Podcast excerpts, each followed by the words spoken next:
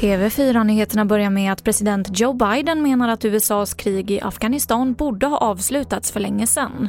I sitt tal till nationen igår kväll försvarade han reträtten men betonade att USA ska fortsätta bekämpa terrornätverket IS. After 20 years of war in Afghanistan, I refuse to send another generation of America's sons and daughters to fight a war that should have ended long ago.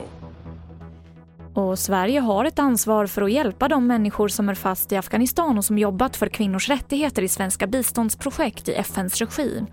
Det här menar Helene Lackenbauer på Totalförsvarets forskningsinstitut. Och hon kräver nu att regeringen agerar för att hjälpa de här människorna.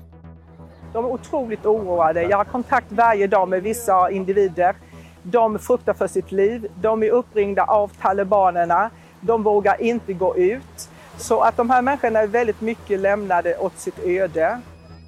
Och vi avslutar med att idag så drar årets älgjakt igång. Och nytt för i år är att regeringen beslutat om fasta startdatum.